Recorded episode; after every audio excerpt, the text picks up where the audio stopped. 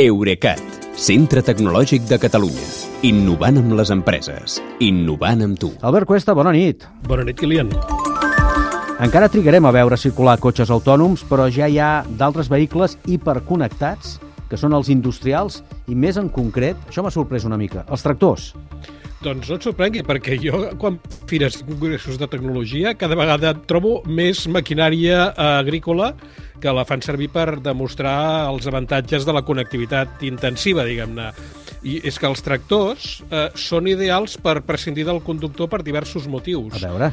Uh, un és que el terreny que, que han de recórrer per llaurar i per recollir és, pre és previsible, o sigui, és el camp aquell i després un altre camp. Sí, sí, no, clar, no se saltaran al camp de l'altre perquè aquí entrarien, entrarien en problemes, certament. bueno, aquesta és l'altra, sí.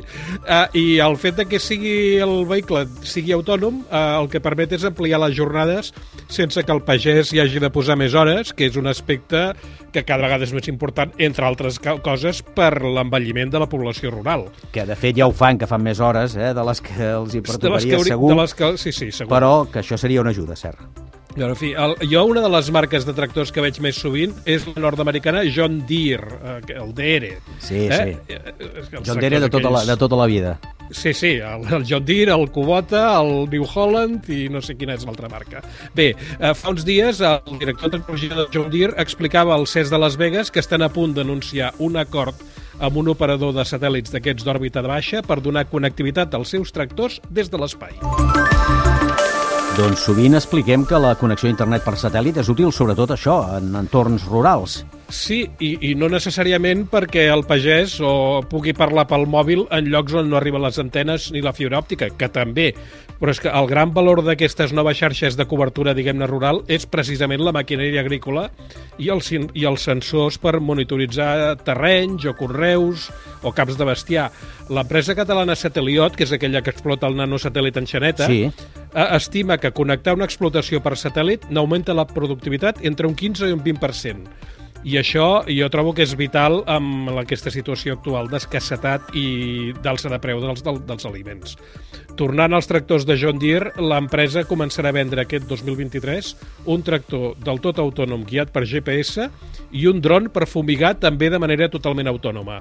Eh, D'aquí a 3 anys, la marca diu que vol tenir eh, un milió i mig de màquines i 200 milions d'hectàrees de terreny connectades al seu centre d'operacions. Però els tractors tan tecnològics també han generat, em penso, conflictes amb els pagesos.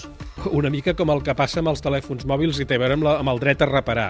Els clients de John Deere han criticat molt que els vehicles de la marca no es puguin reparar fora dels tallers de la xarxa oficial de concessionaris, fins al punt que s'ha anat creant una xarxa informal paral·lela per hackejar els tractors. Com els mòbils.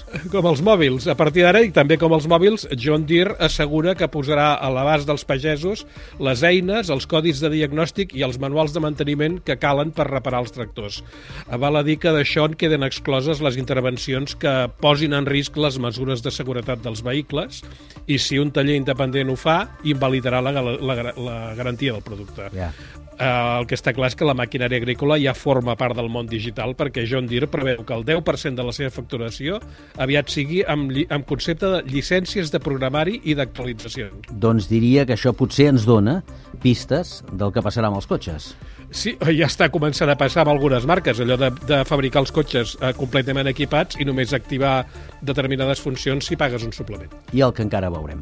Gràcies, Albert. Fins demà. Bona nit, Kilian. Fins demà.